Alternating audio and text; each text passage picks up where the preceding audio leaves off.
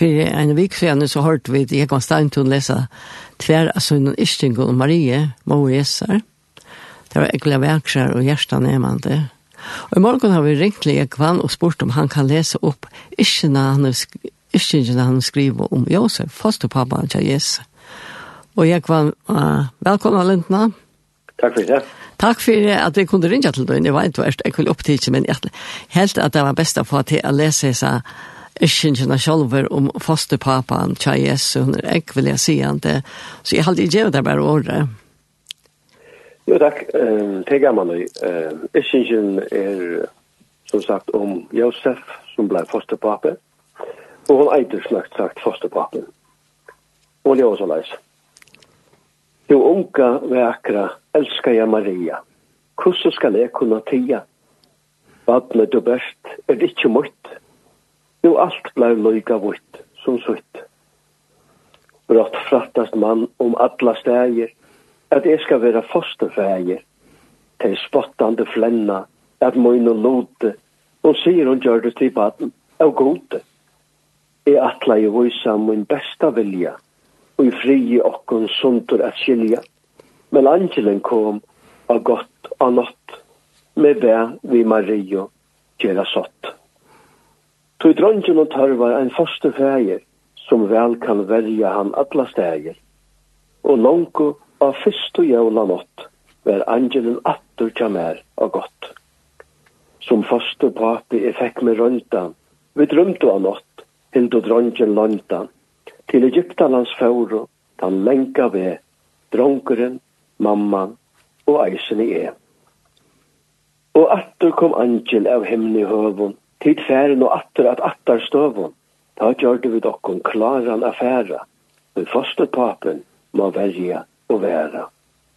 Så leis bleiv til søvun av kattene, at jeg og Maria og fosterbadne, tingo om Eolo og i Nazarets gøtun, og i begge stauron og gjerande sløtun.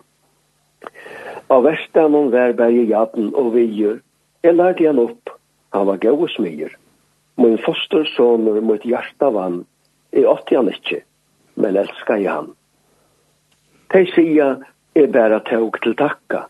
de säger at jeg fikk fotlan pakka. men som fosterpapen var røyndur harst vaks kärlagen fram körde hjärta bjart. ta gravde sin mann, og löjtel var lånen at elska Mario og fostersonen. Den besta oppgavan løyve mer bär er fosterpape hans vær. Ja, dette er egentlig rørende. Det er ikke nek vi høyre om Josef, men uh, det kommer snakk fram her. Hvor står det låten her, og jeg at han er egentlig vi ikke tror ikke av her. Ja, ja ok. Kanskje ikke alt som har givet seg færre om det. Nei, det er nok ikke vi. Så det er for en ene for å takke deg for at vi kunne ringe til noen i morgen og få ja, at jeg lese det her. Jeg ser inn i alt, tror jeg, jeg synes det opp.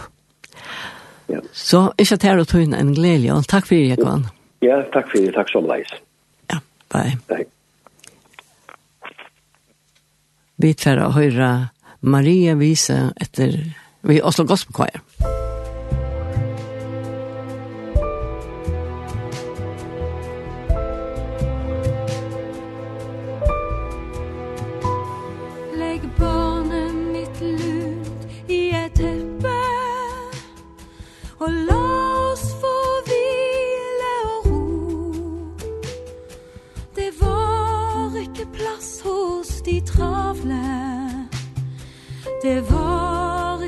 plass til oss to Når livet blir til må det elskes Og elskes fordi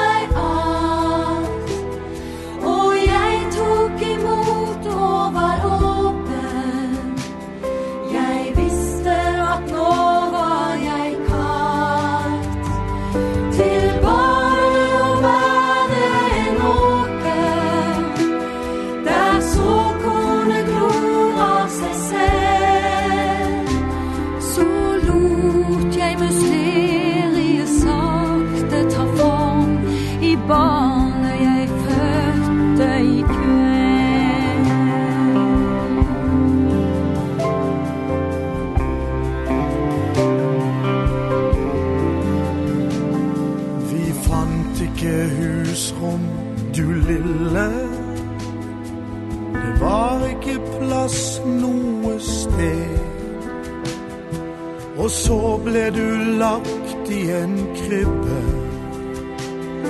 Nå fyller du mørket med fred.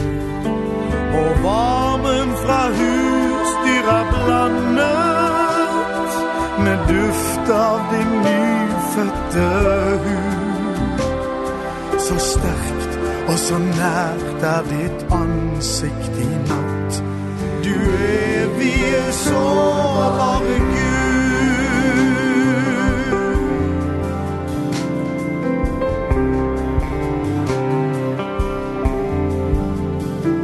Svøp sjale rundt barnet som sover Og la oss få hvile og ro. Det var ikke plass hos de travle Det var ikke plass til oss to. Når livet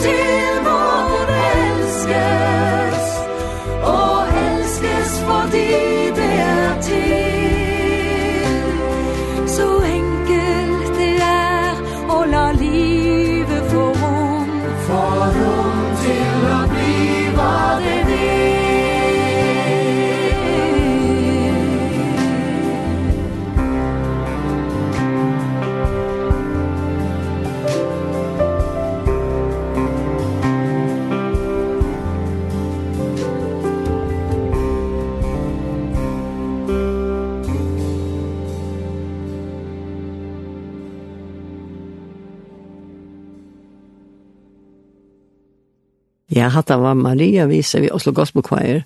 Og så att han nämnat här att sms-kipan var öppen 2.13.24 om du ikke tar kanskje en jolasang. Men vi har akkurat hørt jeg var stein til å lese opp iskingene om fosterpapan, som Josef. Og siste vike så hadde vi nærkere iskinger og Maria som han gjørst i halvtid at vi færre at høyre ene av teimen at nå, Maria. Boan Maria. Maria. Heil to Maria, jomfru von, to veri vi baden, og skal eia son, to som hefur funnet nage, vald av herrans rage. Mer ongen med vår hefur veri nær, hvordan skal jeg vite at jeg var til svær, en samøll under døgnon, mer veri etter året tøgnon.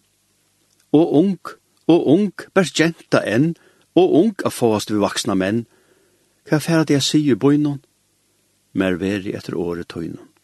Og avgift i eret hans største bæje, hvorfor jeg vilja veita mer nøye, kanska bæra feiren og skuinun, mer veri etter året tøynum.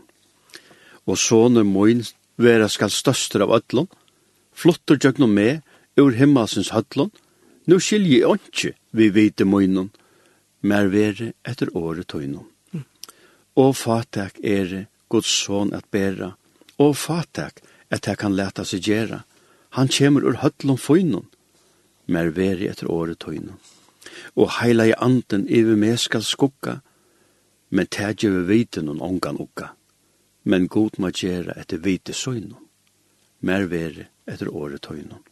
Og Josef, som hjarta mot elska mann, gos vi hånden, hva sier man han? Hva kan han vilja og skilja av strøynum? Mer veri etter året tøynum Og Jesus var føtter av Marie og Møy, som gav henne løyve, så han fikk døy. Tjekk løyengar ved under svaren på innan, alt vær etter året på innan.